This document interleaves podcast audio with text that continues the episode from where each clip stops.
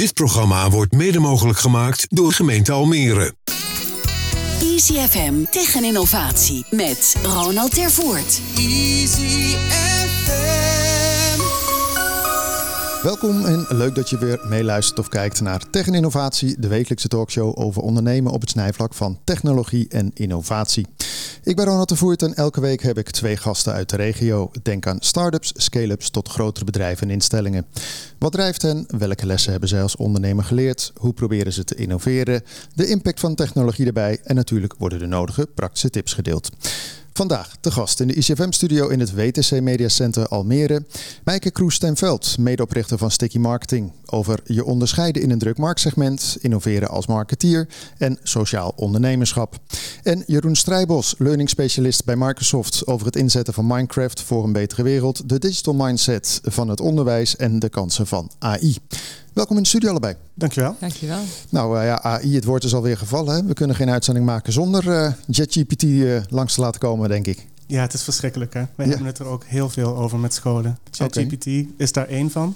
Maar eigenlijk heb ik heel veel gesprekken met scholen over ChatGPT is misschien al een beetje outdated.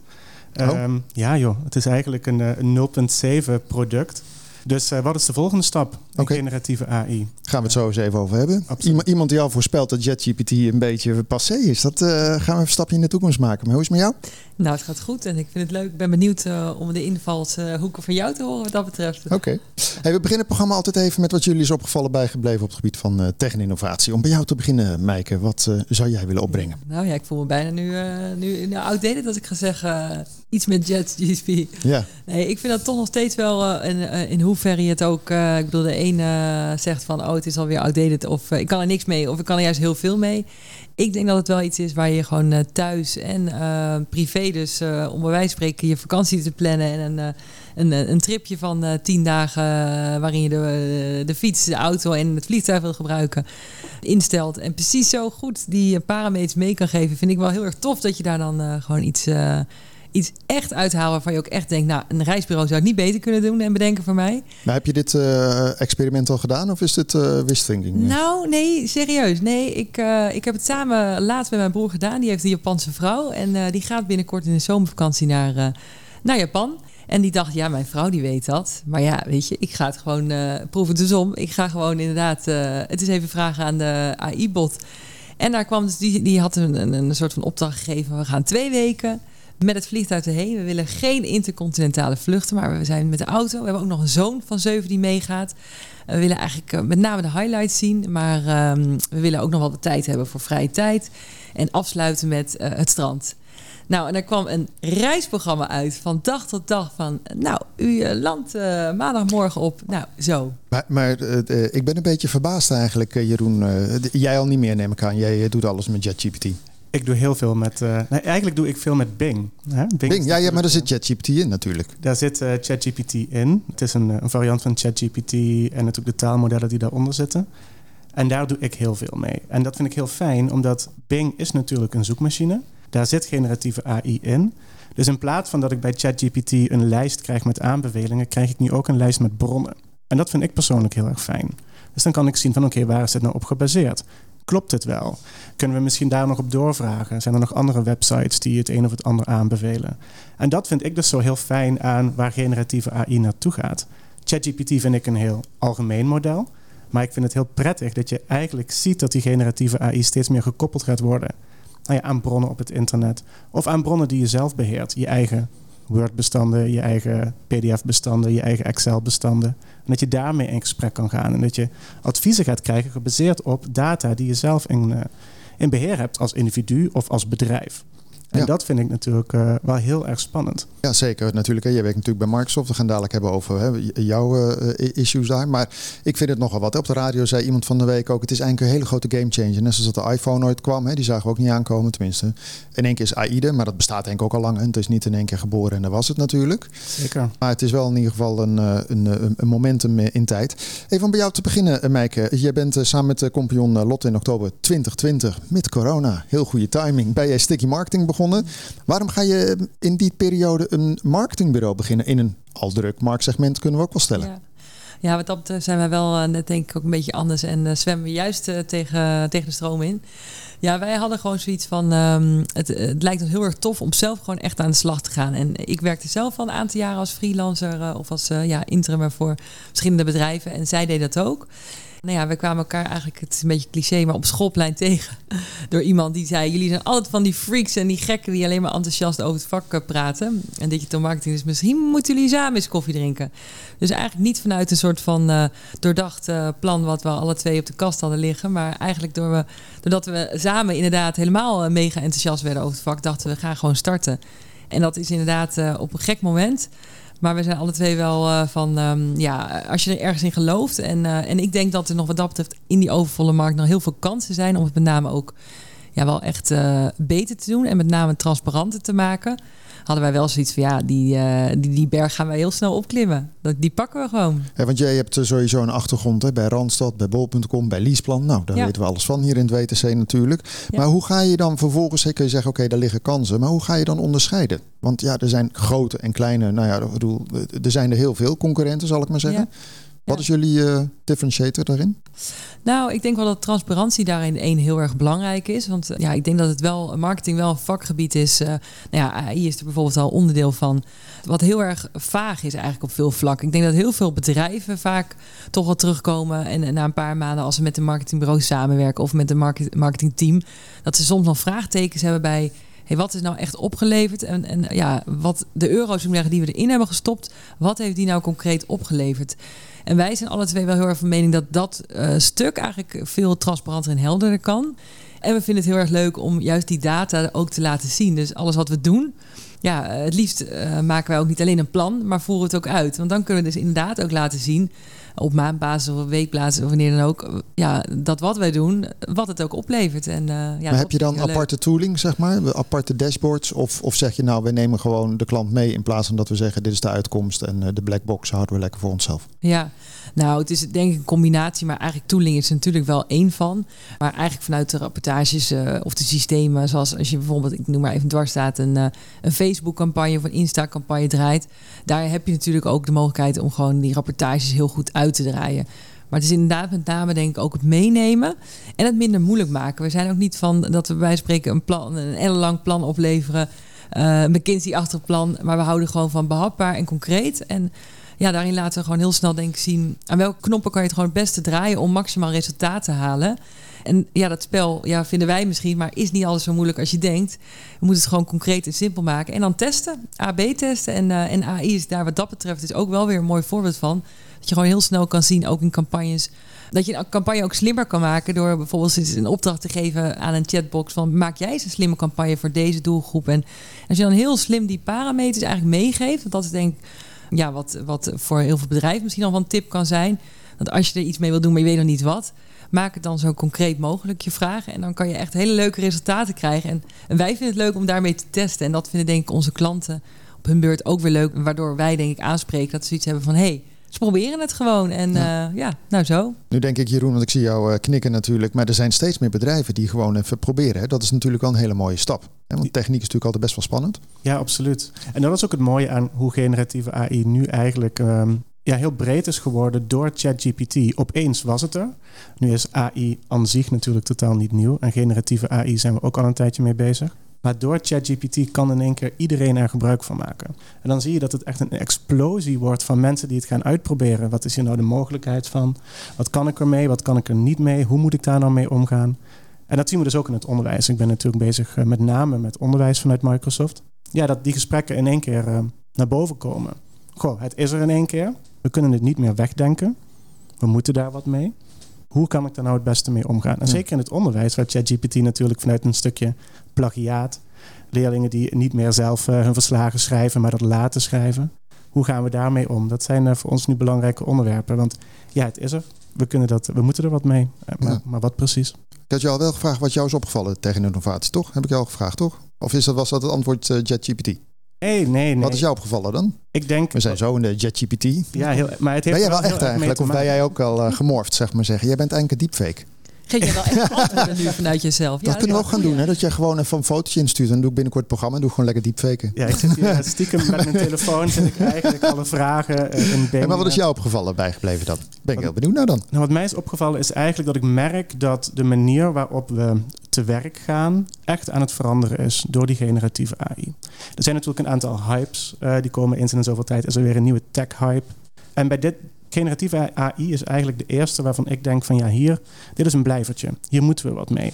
Dit gaat de manier waarop we werken en leven echt, uh, echt veranderen. Maar ga je, ga je zeggen ook van uh, lekker losgaan? Of, hè, want er zijn natuurlijk ook stemmen in de maatschappij die zeggen... ja, dat moeten we controleren. Maar goed, dat is altijd met nieuwe dingen... dat er mensen op staan die denken, dit loopt uit de hand. Wat, ja, ik denk dat vanuit jouw perspectief dat je ja. zegt... laat je go with the flow.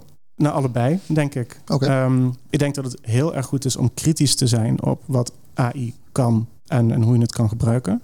En kijk, ik ben natuurlijk niet iemand van de technische kant van het verhaal. Ik ben meer de onderwijskundige binnen het edu-team. Maar we merken wel dat, kijk, wij hebben een aantal richtlijnen als het gaat over het ontwikkelen van AI. Hoe doe je dat op een ethische manier? Hoe ga je daarmee om? En ik denk dat we daar heel erg het gesprek ook opzoeken. Van wat vinden jullie daarvan? Aan de andere kant merken we ook, ja, er is een heel leuk plaatje dat bij ons de ronde doet. En dat is een, een, een, een cartoon. En dan zie je eigenlijk twee loketjes. Eén loketje, daar staat dan, staan twee mensen voor. En één loketje, daar staan 300 me, uh, mensen voor. En die heten respectievelijk ChatGPT gebruiken voor mijn eigen doeleinden. Mm. Uh, en de andere is ChatGPT proberen te breken. En daar staan dan die 300 man voor. En ik denk dat dat ook heel erg belangrijk is. Dat proberen we natuurlijk allemaal. Ik heb zelf ook wel de grenzen geprobeerd op te zoeken van wat een ChatGPT kan, wat een Bing kan. Proberen dat een beetje te laten hallucineren, zoals dat heet. Maar digitale hallucinatie. Ja, digitale ja, hallucinatie, ja, absoluut. Maar dat is ook wel heel erg belangrijk, want dat betekent ook dat de technologie zelf verbetert. We leren ook van onze fouten. Er zijn nu al heel veel dingen veranderd in ChatGPT, in Bing en hoe het daarmee omgaat. Dus vanuit een technologisch perspectief denk ik dat het heel goed is dat we van allemaal dat we allerlei dingen gaan proberen. Maar ook vanuit een stukje van ja, wat, wat willen we hier nou mee? Hoe willen we nou dat dit wordt ingezet? Wederom, ik kijk met name vanuit een onderwijskant naar het hele verhaal. Wanneer willen we het wel inzetten? Wanneer willen we het niet inzetten? Waar versterkt het ons? Waar versterkt het ons niet? Ja, en dat betekent dat het een beetje vallen en opstaan is. Dingen uitproberen, ergens tegenaan lopen, leren van je fouten en daar een visie op, uh, op inzetten. Is het dan, als ik een vraag mag stellen, jouw rol vanuit Microsoft om zo die scholen daarin mee te nemen die dit op dit vakgebied? Als ja. ambassadeur voor Microsoft eigenlijk daarin? Om te vertellen wat daar allemaal in kan? Zeker. En technologie in de breedste zin van het woord. Dus wij hebben natuurlijk heel veel producten. Nou, er is bijvoorbeeld een Teams variant voor het onderwijs. Daar zitten van allerlei functionaliteiten in die, jij, die, jij, die je eigenlijk niet hebt als je gewoon met je bedrijf samenwerkt binnen Teams. Maar ook Minecraft. Hè, ja, daar gaan we het zeker straks over hebben. Anders gaan we helemaal pingpongen. maar ik, ik, zat even te denken, ik denk, ik moet even nog jou vragen. Maar terugkomend even dan ook op JetGPT. Laatst zag ik ook weer, hè, je hebt uh, Simon Sinek hè, met zijn, uh, zijn waar, uh, ja. how en wat. En toen dacht ik, nou, doen we JetGPT, slingeren we gewoon aan. Simon aan de kant. Maar dat is voor jullie volgens mij wel ook echt een ding, toch? goeie Som- eigenlijk, ja. Ja, toch? Over die sessie die we doen van vier uur lang bij de klant. Oh ja, Nee. nee, maar ik bedoel, Ja. die, die, even om, om de mensen ook mee te die het niet kennen. Maar het is een bepaalde methodiek die veel Ja. in marketing wordt toegepast. Hè? Eh, Om echt eerst tot de kern, de why te komen. En dan pas naar de how en de what. In plaats van andersom wat vaak mensen doen. Exact. Maar wat doen jullie? Ook dit? Ja, wij, ik moet zeggen, ik vind het zelf ook een hele fijne methode. Want eh, het is niet alleen omdat het gewoon marketingtechnisch... Ik, ik er gewoon heel erg in geloof, maar ook wetenschappelijk echt is bewezen. En ook vanuit de biologie dat je eigenlijk als ik jou bij wijze van spreken nu zeg... eh, koop die auto, dan... ehm, en ik zeg, want hij heeft eh, goede eh, banden, eh, hij kan hartstikke snel en bla bla bla. Dan zijn het eigenlijk een beetje rationele aspecten waarvan je kan zeggen, daar ga ik op aan. Maar van de andere kant kies jij waarschijnlijk eh, die auto als die, ik zeg maar even wat, eh, van een bepaald merk is, eh, niet. Ik moet nou even, nou, het is een beetje een mannenonderwerp. Nou denk ik meteen, welk merk kan ik nu noemen? Wat een beetje, nou, ik zeg maar even Audi. Terwijl jij eigenlijk een eh, Jeep of een eh, Ferrari-fan bent. Ja, dan zal je toch voor die Jeep of Ferrari-auto kiezen. Als ik dan vervolgens zeg, nou, die auto die heeft echt... eh, eh, die, ja, weet je, het is de hele stijl en kijk hoe Maar die, het is de diepere, de why is de diepere binding met een merk. Ja, hoe is zo'n merk ontstaan? En, en als je dat zeggen, echt vanuit een, een gevoel of een verhaal naar boven brengt, dan, eh, ja, dan blijkt dat dat je die keus gewoon echt ook in je hersenen maakt op basis van die diepere laag. En niet dus vanuit die rationele voor, eh, ja, want elke auto heeft eh, banden en kan rijden en kan. Dus dat is eh, inderdaad een methode die we goed eh, gebruiken. Maar die why, how, what, eh, of gekoppeld met AI, vind ik nog wel een, eh, een, een grappige dwarsnede, zoals jij hem nu eh, noemt. Want wij doen eigenlijk in zijn sessie het altijd gewoon met de klant. En haal je daar alles uit. Maar ik zou er best wel een grappig... Nou, dus het is weer iets voor ons om zo'n experimentje te starten. En gewoon van tevoren, voordat we die sessie ingaan met de klant... Ja, als dat kan, eh. uit te geven. Van wat zou jij als why, how, wat formuleren voor deze, deze klant? Ik ben eigenlijk wel benieuwd wat, wat de AI dan gaat zeggen. Ik ben al verbaasd dat je hele, hele trips kan boeken, wat je net Ja. vertelde. Maar goed, voor alles is een eerste keer. Hey, jullie zitten gestationeerd in Bussum. Mezelf heb je heel lang hier ook in het WTC eh, geresideerd. Ja. Zit je nou ook veel dan in Almere of zit je dan vooral met klanten gewoon door het hele land heen? Ja, eigenlijk zitten wij wel eh, door het hele land heen. Wij vinden het vooral in het begin altijd heel erg fijn als we een nieuw traject beginnen met een klant. Om juist bij de klant te komen, om gewoon ook een gevoel te hebben van eh, wat doet hij nou. En, en juist ook omdat wij niet ergens in gespecialiseerd zijn qua branche. Dus het is niet zo dat wij alleen maar de automotive of alleen maar de zorg eh, helpen of bedienen. Wij vinden het juist heel erg leuk. Dat is ook weer misschien dat eh, tegen de draad in tegen de wat is het tegen de, de Stroom inzwemmen. dat we het juist leuk vinden, diverse klanten. En die zitten eigenlijk door het hele land. Dus eh, in het begin vaak eh, bij de klant. En als we eenmaal bezig zijn, eh, en ze zijn altijd welkom bij ons, maar eh, doen we het ook eh, graag bij ons of online of nou ja, via Microsoft Teams. Hè? Ja. Hey, maar hoe, hoe doe je dat dan? Hè? Want je zegt wij hebben geen specifiek domein. En nu, nu is marketing over de verschillende domeinen een beetje eh, vaak wel hetzelfde eh, basisprincipes. Maar desalniettemin, je hebt het over website optimalisatie, je hebt het over socials, nou, eh, Ja. je hebt het over van alles. Met hoeveel mensen zijn jullie? We zijn met z'n vieren. Dus het Plus ChatGPT. Dat zijn eh, Oh ja, dat 300 zijn- medewerkers. Ja. Maar hoe doe je dat dan? Nou, op zich is het bij ons ook wel zo dat we slim werken. Maar ook wel, denk ik, heel erg makkelijk kunnen op- en afschalen. Dus als er bij wijze van spreken een nieuw traject komt waarvan we in het begin denken... hey, voor die opstart of eh, voor dit of dit element hebben we iemand nodig... dan hebben we best wel een groot netwerk om ons heen die we erbij kunnen halen. Dus ja, het is denk ik ook gewoon met name efficiënt ermee omgaan. En vaak, ja, dat is dus denk ik die slimme marketing euro inzetten. Is het ook als je in het begin slim die marketing automation bijvoorbeeld optuigt of die campagnes inricht, eigenlijk de, de knoppen allemaal overal op de juiste plekken aanzet, dan eh, zou het als het goed is ook deels moeten gaan lopen die machine. En daarbij heb je natuurlijk extra eh, handelingen zoals content ontwikkelen, nou, ook deels is met je, maar dan heb je natuurlijk menselijke handelingen. Maar als het goed is, moet je dat machientje eigenlijk in het begin eh, optuigen. En dan kan het daarna voor je gaan werken. Dus ehm, ja, dat proberen we wel zo efficiënt mogelijk te doen. Als je het dan hebt over eh, de doorsnee kennis van de marketeer. Want we gaan nu steeds meer richting eh, nou, digital tooling die we daarvoor inzetten. Daarmee wordt het gemak natuurlijk eh, hè, komt naar je toe. Maar is, is de doorsnee marketeer goed equipped, zal ik maar zeggen, met alles wat er kan? Want dat lijkt me heel moeilijk. Vroeger had je gewoon een paar kanalen, nu heb je er heel veel. Ja. Dus, dus dan heb je generalisten of mensen die heel specifiek weten hoe een Google AdWords werkt. Hoe kijken jullie daarnaar? Want ja, er is ook arbeidskrapte, neem ik aan. Ja, ja. Nou, dat is er zeker inderdaad. Dat, dat vinden wij ook. Dat is bij ons ook wat dat betreft wel het probleem. Dat het lastig is om echt goede mensen te vinden. En ik denk ook dat het. Ja, ik, Maar ga je ze opleiden intern dan? Of, ja of is, het, of is we het goed met de toe. kwaliteit? Kan ook, hè? Misschien heb jij... Nee, eh, zeker. Nee, nee dat, eh, wij, vinden het heel erg, wij zijn heel erg van het delen en het samen doen. Dus we, we vinden het leuk inderdaad om onze collega's mee te nemen en op te leiden daarin. En onszelf uiteraard, want ja, er gebeurt natuurlijk van, van alles. Maar we vinden het ook naar klanten toe. Stellen wij eigenlijk altijd wel meteen de vraag van... hey, wil je dat wij dit de komende jaren voor je blijven doen? Of vind je het juist prettig dat je het eh, in huis zelf ook kan? En we zien ons zelf eigenlijk als het, als het ware als een verlengde marketingafdeling. maar eh, we vinden het juist ook heel erg... eh, eh, we geloven ook wel heel erg in de kracht binnen het bedrijf zelf te houden. Dus, dus daarin leiden we eigenlijk die bedrijven vaak ook op. Die zeggen, nou, nou wij willen dit stuk eh, wel oppakken of dat stuk oppakken. Oké.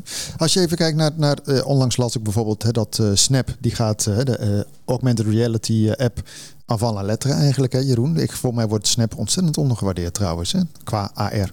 Voor zover ik daar Jij gebruikt het niet. jij bent een bepaalde leeftijdsgroep, zie ik ook wel. Ja, ik ook hoor. Maar, maar eh, als je kijkt even naar Snap, die gaat nu samenwerken met allerlei merken in retail. En dat, Ja. Ik zie jou helemaal smilen meteen. Zijn dat soort zaken ook waarvan je denkt, oh ja leuk, dat gaan we ook oppakken? Zeg van nou laat eerst maar een beetje uitkristalliseren voordat we dat voor klanten in gaan zetten. Nee, wij zijn, eh, ja, wij zijn wat dat betreft inderdaad ook niet heel aan de doelgroep. Maar we vinden het wel. Ik heb wel kinderen die daar uh, dagelijks op zitten. Dus ik vind het wel onwijs leuk om uh, te kijken wat er allemaal gebeurt. En nou, ja, ik bedoel, je ziet, die kinderen zitten er gewoon hele dagen op. Dus het zou stom zijn als je er niks mee doet. Voor bepaalde merken dan. Ja. Hè? Ik bedoel, niet voor iedereen. Maar als jij in die branche zit waarin jouw doelgroep inderdaad uh, de kijker van Snap, uh, Snapchat is dan uh, moet je daar zeker in meegaan. En dan is het heel tof dat je kan zien, ja, ook wel eens beangstigend, dat als je bij wijze van spreken nou nee, ik moet niet te veel in detail. Maar als er iemand, als je bijvoorbeeld op een bepaald zoekgedrag iets hebt gezocht over een vakantiehuisje of dit of dat. Ja, ze zijn natuurlijk ook door ChatGPT meteen weer wordt het wel steeds, uh, wat jij eigenlijk te zien krijgt, steeds meer op jou als persoon uh, gericht. En een soort hyperpersonalisatie, om een leuk woord erin te gooien. Maar over, over dat snap, want, Ja. want uiteindelijk, hè, voor, uh, uiteindelijk is het idee dan dat je in, in een winkel sta je voor een spiegel en doe je snap en dan zie je precies hoe, hoe het staat en je kan het ook meteen kopen. En je kan van alles. Hè, die interactieve spiegels is nooit echt van de grond gekomen, maar zo kan je het misschien wel een beetje doen. Ja. En veel platte, kijk, wij zijn iets ouder dan de doorsnee doelgroep van, van Snap. Maar ik denk bij mezelf, ja, ik zie mezelf niet uh, met zo'n AR-ding in een winkel staan om dan iets. Uh, ja, mijn Nee. dochters wel hoor, die vinden het fantastisch. Ik vind dat ook een lastige. En dit is bijvoorbeeld ook zo'n trend. Of uh, ja, je hebt pakt dat in het begin van. Je hebt best wel soms van die trends of van die ontwikkelingen. Waarvan je dan denkt van. Dan hoor je dan uh, vijf jaar lang hoor je elke keer. Nou ja, dit hè, augmented reality. Ik kom zelf ook uit de mode-industrie, de textilia onder andere. En daar werd al tien jaar geleden of vijftien jaar geleden over. Ik heb hem nog niet zien doorpakken, echt. Dus op dat front uh, heb ik inderdaad ook wel mijn twijfels. Of dit inderdaad iets is wat uh, onze dochters of kinderen in de winkel gaan doen. Ja, ik, ik, ik noem aan het begin even sociaal ondernemerschap. Dat is altijd uh, heel mooi als bedrijf zijn dat je dat kan prediken, zal ik maar zeggen. Doe jij er ook aan? Als nieuw bedrijf? Nou ja, eigenlijk wel. Het klinkt inderdaad als een soort van. Uh, ik vind het ook altijd een beetje. Want we roepen het eigenlijk niet dat we dat doen. Maar ik weet niet in welke front je het bedoelt. Want je kan het op vele manieren invullen. Maar wij werken voor microkrediet voor moeders. Dat is een heel mooi initiatief waarbij moeders eigenlijk in, uh, in Azië gefinancierd worden om hun business uh, eigenlijk te laten groeien. En wij doen kosteloos eigenlijk de social media voor hun en marketing. Omdat wij zelf, nou ja, wij zijn twee vrouwen, dus we vinden het sowieso een heel mooi initiatief. Maar ik moet ook zeggen, ik vind dit ook echt een, uh, een initiatief die 100%, dat vind ik echt wel uniek. Want uh, dat is niet vaak zo, maar 100% het geld ook echt vrijwilligersbijdrage is. Dus niemand krijgt daar een salaris. Ook geen, wat je vaak hebt, hè, de directie die dan eigenlijk uh, 80% opstrijkt en dan gaat het 20%. Dus nou, dat is bijvoorbeeld één zo'n initiatief okay. waarvoor we werken. Maar dat is ook echt een basis voor jullie bedrijf. Dat je, hè, zie je vandaag de dag wel vaker, de purpose van een bedrijf, sociaal ondernemerschap, dat is echt wel. Of is dat een beetje en route langs uh, komen fietsen? Nou, het is wel iets wat wij denk ik alle twee in de basis hebben. Dat we gewoon goed willen doen. En ook in bijvoorbeeld in onze marketing. Dat we bij spreken ook, dat hoort ook bij die transparantie. Niet torenhoge budgetten willen vragen voor wat we doen. Want we vragen gewoon een fair price. En uh, zijn daar gewoon heel helder en duidelijk in. En, en, dit vinden we ook bijvoorbeeld iets waarvan we dachten... nou, dat komt op ons pad. Het past heel erg mooi. En uh, wij hoeven niet uh, in die vette Ferrari te rijden... maar wel dingen doen die we leuk vinden. En dit is er één van eigenlijk. Ja. Nou, Jeroen, die knikt al. Jij doet ook dingen die je alleen maar leuk vindt, volgens mij. Toch? Ja, ja gelukkig wel. En nog even een laatste ding. Wat is je grootste uitdaging voor dit jaar? Grootste uitdaging? Ja, goede vraag. ChatGPT kan je overal voor inzetten straks. Maar is Ja. personeel? Nou, ga je gang. Ja, nou, personeel um, in die zin is inderdaad een uitdaging. Maar uh, op de een of andere manier, dat, dat fixen we altijd wel, uh, wel weer met elkaar. Ik vind meer eigenlijk, hoe kan je gewoon op die, op die snelle trein, maar zeggen, van al die ontwikkelingen die er zijn, voor jezelf als marketingbureau, ja, daar de goede, uh, ja, hoe zeg je dat, goede punten uithalen om ook echt eigenlijk een beetje wat jij ook zei. Er gebeurt zoveel op dat gebied. In de breedste zin technologie en innovatie. Wat pik je eruit uh, waarvan je zegt van hé, hey, hier, ga ik, uh, hier ga ik voor. En want ik vind wel dat je ook, uh, daar zijn wij net met ons bedrijf een hele sessie over gehad, dat je ook wel keuzes moet maken. En jij schetst het net ook al, er gebeurt heel veel. Jullie zijn ook een breed marketingbureau, alhoewel we ons wel echt op digital marketing onderscheiden. Maar keuzes maken in dat speelveld van alle mogelijkheden, omdat wij ja, dus best wel een beetje van die enthousiaste kikkers zijn en overal eigenlijk in elk watertje willen springen de juiste keuze te maken die ook waar, ja, waar onze klanten het meest aan hebben. Welk kanaal wordt eigenlijk door jou, uh, bijvoorbeeld dat je zegt, nou dat wordt toch zo onderschat, of, of uh, daar zou ik toch echt meer mee doen, even kort? Wat is, is er dan eentje? Nou, vanuit onze klantperspectief gezien is dat uh, op dit moment toch wel TikTok. Je ziet, wij hebben zelf wel meer klanten in B2B, dus op zich is dat ook wel iets logischer. Want ja, die B2B-klant en die, die, de klant daar weer van is vaak ook een zakelijke klant. Dus dan is TikTok misschien ook niet het medium natuurlijk. Maar ook bij uh, B2C-klanten zien we dat zij die stap naar B2C... en dat ligt ook denk ik weer aan onze uh, omvang qua klantprofiel. Ik bedoel de grote klanten zoals Bob.com waar, uh, waar ik eerder zat... Of, die, die, die doen dat natuurlijk wel, die stappen. Maar eigenlijk het MKB, midden- en grote MKB waar wij voor werken... die vinden die stap naar bijvoorbeeld TikTok of nieuwe kanalen nog best wel lastig en eng... En we hebben laatst bijvoorbeeld een klanttraject gehad waarbij we echt hele toffe filmscripts hadden bedacht. En heel, echt een heel leuke ja, contentplan eigenlijk voor TikTok. Waarbij we echt, ja, wat ons betreft, zo logisch als wat was dat we daar in die markt gingen of in het kanaal uh, gingen stappen voor hun. Hele plan uitgewerkt als lacher. En toen werd er toch gezegd: nee, nee, we durven het niet. Nou, dat is dan jammer. Zo is dan ook weer. Nou, dat, dat eh, zal jou waarschijnlijk wel bekend voorkomen als learning specialist bij Microsoft. Dat je moet proberen om eigenlijk het onderwijs, maatschappij, overheid met digital tooling verder te helpen. Zeker weten. En Want, ik herken, eh, ja, even, even kort ook want je mag leggen ook even uit wat jullie precies doen. Want we hebben het eigenlijk over learning specialist en dan eh, wat dat allemaal inhoudt. Ja, precies. Nee, het is mijn taak eigenlijk. Ik werk veel met het funderend onderwijs. Dus dat is primair onderwijs en het voortgezet onderwijs. We hebben heel veel tools in onze toolset. Heel veel stukjes gereedschap. En het gaat er mij om hoe kunnen we nou de leerkrachten zo goed mogelijk inspireren over hoe je dat het beste kan inzetten. En daarin herken ik eigenlijk ook heel erg goed jouw uitdaging. We hebben heel veel stukken gereedschap. Maar als ik naar mezelf kijk, en ik heb het over een fysieke gereedschapskist met hamers en zagen. Ik heb twee linkerhanden. Dus je kan mij zo'n kist geven, maar er komt geen mooi huis uit. Dat werkt ook zo in het onderwijs met digitale tools, met digitale stukken gereedschap. Weet wat het is, wat je ermee kan en met welke gedachtegang je dat het beste kan inzetten om het onderste uit de kant te halen. Daar werken we heel veel mee. Zorgen dat uh, wat we hebben, dat dat ook bekend is en dat dat um, goed wordt ingezet. En ja, maar is dat, uh, even misschien uh, een beetje kritische blik erop, maar is dat dan een manier om eigenlijk, ik noem maar even de Microsoft uh, hardware naar binnen en de software binnen te krijgen bij de scholen? Want er zitten veelal op, tenminste ik zie bij mijn kids vooral Chrome, hè, slaat de klok. Maar is, is dat een soort, ja dat zal je zeggen, dat zal het niet zijn, want het is natuurlijk een hele nobele manier, zal ik maar zeggen. Maar uiteindelijk moet je het wel doen op het platform van Microsoft. Uiteindelijk hebben wij een Microsoft-platform ja. en daar zul je het op moeten doen, dat klopt. Maar dat gezegd hebbende, um, en daar kan ik straks wel wat meer over vertellen, we hebben een hele hoop tools die je als leerkracht kan gebruiken, waar ik ook echt als onderwijsenthousiasteling me echt in kan vinden, waar ik echt achter sta. Ik durf echt te zeggen dat wij ongelooflijk veel bruikbare tools hebben om het onderwijs gepersonaliseerder te maken, om leerkrachten te ondersteunen, om het onderwijs inclusiever te maken, om meer rijke leerervaringen toe te voegen. En uiteindelijk in alle gesprekken met de, met de leerkrachten die ik heb, die waarde die staat echt aan de voorkant. Dus ja, het klopt dat wij. Uh, uh, het is een commercieel bedrijf, dat zal het ook altijd blijven. Maar ik sta wel echt achter wat het onderwijsteam doet en de kernwaarden die ons drijft. Onlangs was er uh, een rapport die was best alarmerend hè, over de taalkundige staat van het onderwijs. als het ging om Nederlands was het in dit geval. Hebben jullie ook tooling dan waarmee je dat soort dingen kan opkrikken? Zeker. Leesvoortgang is een tool die hebben we nu denk ik een, een anderhalf jaar. Zit in Microsoft Teams voor het onderwijs. Dus ik noemde het net al, als jij een onderwijsinstelling bent of een school, heb jij toegang tot een speciale versie van Teams waar je ook opdrachten in kan klaarzetten, waar je cijfers in kan bijhouden en dergelijke. En een van de opdrachten die je kan klaarzetten heet leesvoortgang. Nou, wat je dan doet, je uploadt een tekst, die mag je heel zelf kiezen. Uh, het kan een AVI leestekst zijn, het kan een nu.nl artikel zijn, net wat voor jou relevant is. En de leerlingen krijgen één voor één die opdracht en worden uitgedaagd om dat hardop voor te lezen. Nou, leesvoortgang die luistert naar die opname en kan al automatisch aangeven, nou, dit woord is goed uitgesproken, hier heb je een fout gemaakt, hier heb je jezelf verbeterd halverwege bijvoorbeeld. Hier heb je een woord toegevoegd dat niet in de tekst staat of weggelaten. Dus vanuit een stukje leesvaardigheid is dat een tool die nu wel echt veel gebruikt wordt in het onderwijs. In het basisonderwijs om kinderen te leren lezen, maar ook bijvoorbeeld Engels, Duits, Frans, Nederlands voor anderstaligen bijvoorbeeld, op het MBO of het HBO. Okay. Daar wordt het ook voor gebruikt. Ja, want mijn uh, kids zitten veelal op uh, Duolingo volgens mij. Dat is wel echt. Uh, dat wordt ook een beetje gepusht volgens mij vanuit school. Van gaan we naar Duolingo, kan je de hele dag op die app lekker.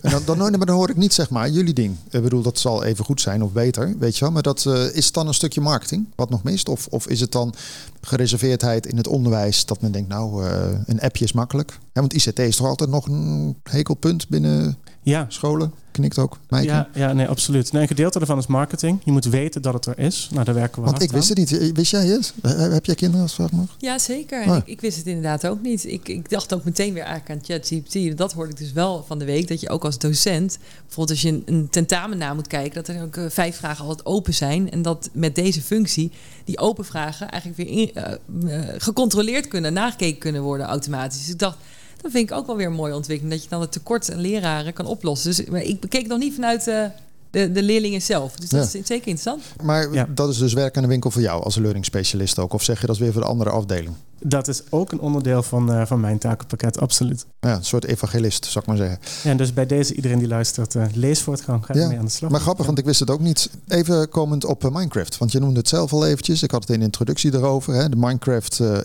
ja, eigenlijk voor een betere wereld. Ja. Nou is Minecraft gewoon een game waar je spullen in kan bouwen. Een soort Roblox, weer de concurrent, lekker trouwens en zo. Maar wat kan je met Minecraft doen dan? Minecraft uh, heeft ook een uh, speciale onderwijsversie. Die je hebt overal een speciale onderwijsversie van. Overal speciale. ja, kijk, weet je, het onderwijs is natuurlijk toch, uh, heeft, is toch zijn eigen ding. Heeft weer zijn eigen eisen je, en zijn eigen valkuilen waar we rekening mee moeten houden. Dus ja, er is een speciale onderwijsversie van Minecraft. het is het meest gespeelde spel ter wereld. Super populair onder, onder jongeren en kinderen. We gebruiken het veel in het basisonderwijs. Maar eigenlijk als je kijkt naar de gemiddelde leeftijd van de Minecraft-speler wereldwijd... is dat volgens mij 21. Dus uh, ook op het mbo, hbo zien we dat het gebruikt kan worden. En wat kan je er dan mee uh, gaan doen? Je kan twee dingen doen. Minecraft is eigenlijk een digitale doos met Lego blokken. Je kan ermee bouwen wat je wil. Daar kun je natuurlijk hele leuke bouwopdrachten op verzinnen. Bijvoorbeeld van, goh, ga nou eens hè, met de klas in groepjes werken... en denk nou eens na over de school van de toekomst. Hoe zou die eruit moeten zien? Hmm. Hoe kun je die duurzaam maken? Hoe kun je die inclusiever maken? Hoe kun je de leerervaringen anders indelen? Hoe zou jij het klaslokaal indelen als jij de kans had? Nou, die leerlingen die gaan daar bijvoorbeeld over nadenken. Die gaan op internet onderzoek doen, die hebben gesprekken met elkaar, die lopen eens door het klaslokaal. En uiteindelijk bouwen ze dat met die digitale blokken, bouwen ze dat na. Nou, dat kun je ook doen met, een, met gewoon fysieke blokken natuurlijk. Maar je merkt toch dat omdat Minecraft zo populair is onder zeker jonge leerlingen, dat dat ja, die, die motivatie, die intrinsieke motivatie zo verhoogt. Dat ze er echt lekker mee aan de slag gaan. Hun fantasie lekker kunnen gebruiken. Creativiteit ontplooien, probleemoplossend denken wordt daarmee aangesproken. Communicatie, uh, een stukje samenwerken, leiderschap, uh, kwaliteiten. Als je bijvoorbeeld zegt van nou, ga eens in, uh, in rollen met elkaar samenwerken op deze manier. En dit klinkt dan misschien een beetje flauw, maar dan merk je dat Minecraft, als je dat op, op zo'n leuke manier inzet, eigenlijk niet eens meer gaat over Minecraft als Minecraft, maar als een tool om leerdoelen te behalen die je zelf toch al bedacht had. Breng je dit vervolgens ook naar de overheid? Zo van dit is het nieuwe plan, wat de toekomst heeft. Want ik bedoel, er kan natuurlijk heel veel in het onderwijs verbeterd worden. En die jongeren bedenken dat. Wat gebeurt er met ze? Plankt dat allemaal op de plank? Dus op dit moment werken we heel veel met de scholen zelf, omdat de scholen zelf daar heel veel keuzevrijheid in hebben. Bij deze Dennis Wiersma, als je luistert, we gaan graag met je in gesprek. Ja. Maar we, we merken dat scholen daar heel veel vrijheid zelf in hebben om dat toe te passen. Nou, zeker als jij als leerkracht uh, zegt van goh, ik sta iets boven de methode en ik wil iets meer vakoverstijgend te werk gaan, dan zou je een tool als Minecraft dus in kunnen zetten om leerlingen problemen op te laten lossen die je tegenkomt in de maatschappij op die manier. Maar ik zag jou bijvoorbeeld bij de opening van de Green Innovation Hub hier in Almere. Uh, ja. Had jij een presentatie, toen ging het in één keer over smart cities en ook de combinatie met Minecraft. Ja. Dus behalve spelen op school kan je ook spelen in het gemeentehuis gaan krijgen of bij de overheid. Of hoe moeten we dat gaan zien? Absoluut. Kijk, dus ik noemde het net al een, een, een oneindige doos met Lego-blokken. Wij, hebben het dan veel over bouwuitdagingen. Bouw iets met die Lego-blokken. Maar dan gaat het er natuurlijk om welke opdracht je klaarzet voor de leerlingen om ze aan de slag te laten gaan met relevante onderwerpen. Nou, wat we hier met de Green Innovation Hub willen doen, en dat willen we ook doen in, in andere delen van Nederland, is zeggen van goh, kunnen we niet samenwerken met de gemeente om een relevante bouwopdracht te bedenken voor de leerlingen, voor de scholen in de regio. Door bijvoorbeeld te zeggen van goh, hier hebben we een gebied. Dit gebied is aan vernieuwing toe. Dit gaat de gemeente al oppakken. En kunnen we dan niet in plaats van architectenbureaus en dergelijke nalaten denken over wat er moet eh, gebeuren met dat gebied, kunnen we niet die leerlingen daarover nalaten denken? En nou, dan zorgen we er natuurlijk voor dat die leerlingen weten wat, eh, wat duurzaamheid is, wat voor innoverende ideeën ze precies zouden kunnen bedenken. We zorgen ervoor dat, uh, dat de leraren weten hoe je Minecraft kan inzetten. Maar op die manier, om die samenwerking met de gemeente op te zoeken, hopen we bouwopdrachten klaar te zetten voor, voor de scholen in de regio. En je kan echt relevant zijn. Ja, maar je kan dan ook bedenken van, hè, want ik geloof dat de binnenstad van Almere wordt, uh, gaat op de schop. Nou, dan kan je ook bedenken, ga eens even bedenken hoe dat eruit moet komen te zien. Absoluut. Maar dat is dan voor het lage, het midden en het hoger onderwijs? Of is het wel een specifiek voor midden of lager? Het, uh, jullie hebben alle geledingen waar je het mee doet. Absoluut. Kijk, je kan je natuurlijk voorstellen dat wanneer je zo'n bouwopdracht klaarzet, en dat zijn we nu met de gemeente Almere, zijn we, hebben we die gesprekken onder de titel Schools Reinventing Cities. Dat is een project dat we al ook met in Londen hebben gedaan, in Buenos Aires en dergelijke. En binnen dat project zijn we nu de gesprekken in Almere aan het, uh, aan het uh, doen. En daarin zeggen we echt van ja, zorg dat je eigenlijk drie bouwopdrachten hebt voor het primair onderwijs, het voortgezet onderwijs en ook het MBO-HBO. Omdat je toch een ander level van diepgang erin kan toebrengen. Ja, kijk, je zal zien dat een, een, een middelbare school denkt alweer anders na over duurzame innovatie dan een basisschool. En zeker als je bijvoorbeeld een MBO-opleiding hebt die echt gespecialiseerd is op dit soort onderwerpen, ja, die, die gaan toch op een andere manier met zo'n bouwopdracht aan de slag. En die ruimte die moet er ook zijn. Dus we zeggen van ja, het kan over de hele linie van het onderwijs. Zorg wel dat je de opdracht een beetje aanpast, zodat iedereen daar ook ja, zijn eigen kwijt kan en het onderste uit de kan kan halen. En het enige wat je nodig hebt is eigenlijk dan toch even terugkomen bij Microsoft en licenties. Je hebt eigenlijk dan gewoon dat nodig en dan kan je aan de slag als school zijn. Ja, maar het mooie daarvan is dat um, eigenlijk alle scholen al toegang hebben tot alle benodigde licenties. Want, want ja, ik denk altijd van jullie, jullie hebben een achterhoedegevecht, weet je wel. Je hebt Chrome en ik weet niet of je, hebben jullie ook een soort van Chrome? Chrome achter een simpele tool, want jullie hebben altijd wel de 365 en zo natuurlijk, hè, die hele PowerPoint en zo. Maar goed, dat zal eh, de gemiddelde scholier eh, hè, boeien, zal ik maar zeggen. Ja, we hebben eigenlijk alles over de hele linie. Dus we hebben eh, onze eigen, ons eigen besturingssysteem in Windows. We hebben Edge, de browser. We hebben Teams. We hebben natuurlijk ons eigen Office pakket. Maar moet de school dan om? Moet de school dan om? Want, Nee. want dat niet. want waarom hebben ze het dan? Kijk, scholen hebben vaak al toegang voor 99% van de scholen hebben al toegang tot Microsoft 365 licenties. Ook voor de leerlingen. Gebruiken ze misschien niet. eh, Ja, maar waarom volste. hebben ze dat dan? Voor, voor de administratie of zo? Of, eh, Veel scholen hebben, werken met hun medewerkers in Microsoft 365. Ah. Dus ook als jij een basisschool hebt waarbij veel van het lesgeven en leren plaatsvindt op Chromebooks, dan nog heb jij vanwege bepaalde regelgevingen toegang tot Microsoft 365 licenties. Ook voor de leerlingen. Dus dat betekent dat als jij aan de slag wil gaan met Minecraft, ja, die toegang die heb je al. Daar heb je in principe al voor betaald. Er zijn geen extra licenties nodig. Het enige is dat je misschien, de IT-afdeling moet er even van op de hoogte zijn en die heeft misschien ergens een schuifje waarbij die ooit heeft bedacht, oh Minecraft, dat zet ik uit, want dat, ik weet hoe ik dat moet inzetten op een educatieve wijze. Nou, dan Ja. zet je dat schuifje weer aan en dan kan iedereen gewoon lekker Minecraft downloaden en met hun schoolaccounts inloggen op Minecraft. leuk, lekker gamified eh, onderwijs en, eh, bezig als marketeer. En we hebben het net even over, het kan wel beter vermarkt worden. Word je enthousiast? Ik denk inderdaad, het is raar dat, eh, dat niet elke school hier al eh, mee werkt. Want ik denk meteen aan mijn kinderen, die zouden dat fantastisch vinden. Ik bedoel, Het is natuurlijk veel leuker om zo'n spelletje in elkaar te, te bouwen dan eh, een suf uitgeprint formuliertje invullen, toch? Ja. Dus Maar ja. Heb je dan niet trouwens dat dadelijk de scholieren of de kids van, van mij of van mij die zeggen: Oh, ChatGPT, eh, hoe moet de grote markt eruit zien? Eh, bam, nou, niemand meer Minecraft. Dat euvel zie je niet komen, zeg maar. Nee, dat zie ik zeker Nee? niet. Zoals ik al zei, het gaat erom dat je Minecraft weet in te zetten op de juiste manier. En dat jij een leuke opdracht klaarzet en je laat... Sowieso is het zo dat als leerlingen Minecraft zien op dit moment... dan die gaan helemaal, die worden helemaal gek. Die. Ik denk dat het wel trouwens overigens, want jij zei net de marketing van hey, dat zou elke school moeten weten, dat het voor jou of nou ja, in, in, in het algemeen heel lastig is om bij het onderwijs door te dringen. Want je merkt wel gewoon, wij hebben ook een aantal klanten die juist die doelgroep hebben. En zij hebben natuurlijk, die onderwijzers lopen allemaal over. Dus die eigenlijk alles wat nieuw en iets anders is, kost in eerste Ja. instantie tijd. Dus de factor tijd in die, en de stress speelt best wel een grote rol. Dus om dan binnen te komen en toch te zeggen van tijd te claimen eigenlijk van hey, kunnen we dit eh, gaan doen en experimenteren, dat is nog best een lastige uitdaging, denk ik. Zeker met het lerarentekort merken we dat ja, de beschikbaarheid van docenten echt, eh, echt een Ja. issue is. Maar dat is grappig. hè? Je hebt dus, dus dit is al op school. Je hoeft het alleen nog maar eigenlijk aan te zetten. Ja. Eh, en weet dus- hoe je het gebruikt. ja, maar het is een soort van het licht in de kast. En de meeste, me- ja, Ja. iedereen zit in zijn stramien, zal ik maar zeggen, waar ik Ja. net al over had. Maar Hey- daar, zit de, daar zit inderdaad het probleem wat jij al zei. Je moet weten hoe je het gebruikt. En ik noemde net al het voorbeeld van een eigen fysieke gereedschap. eh skis met, met hamers en zagen. Ja. die heb ik ook. In principe zou ik een huis kunnen bouwen. Maar ik moet wel even die tijd erin steken Ja. om dat te leren. En te weten hoe en wat en waarom. En eh, ja, dat betekent investeren. Ja. Even eh, gekeken ook naar de tijd, nog even eh, twee dingen. Ehm, onderwijs hebben we het al over. Hè? De, de, de druk neemt toe, de lerarentekort loopt ook op. Ik had jaren geleden zoiets van, joh, over een tijdje gaan we allemaal online onderwijs doen. Weet je wel, van die masterclasses gewoon. Wij pluggen gewoon in en er staat een leraar voor een videocamera. Hè? Dat Udacity, eh, je hebt in ieder geval een aantal variaties in de wereld. Ik zie het nog niet helemaal van de grond komen. Is het toch een beetje te lastig dat je echt online les gaat krijgen, een soort wat ik net schets? Ja, je moet het allemaal doelbewust doen. Dus op het moment dat jij hybride te werk gaat of je gebruikt technologie op een manier, moet je weten welk doel probeer ik hiermee te behalen. Ik denk dat de beste leerervaringen, ja, daar kan technologie een rol in spelen, maar er zal nooit een robot voor de klas gaan staan. En geheel online onderwijs heeft ook weer zijn eigen valkuilen. Dus ik zie online onderwijs, geheel online onderwijs, wat je net al als voorbeeld noemde, zie ik zeker een oplossing bieden om bijvoorbeeld het onderwijs toegankelijker te maken.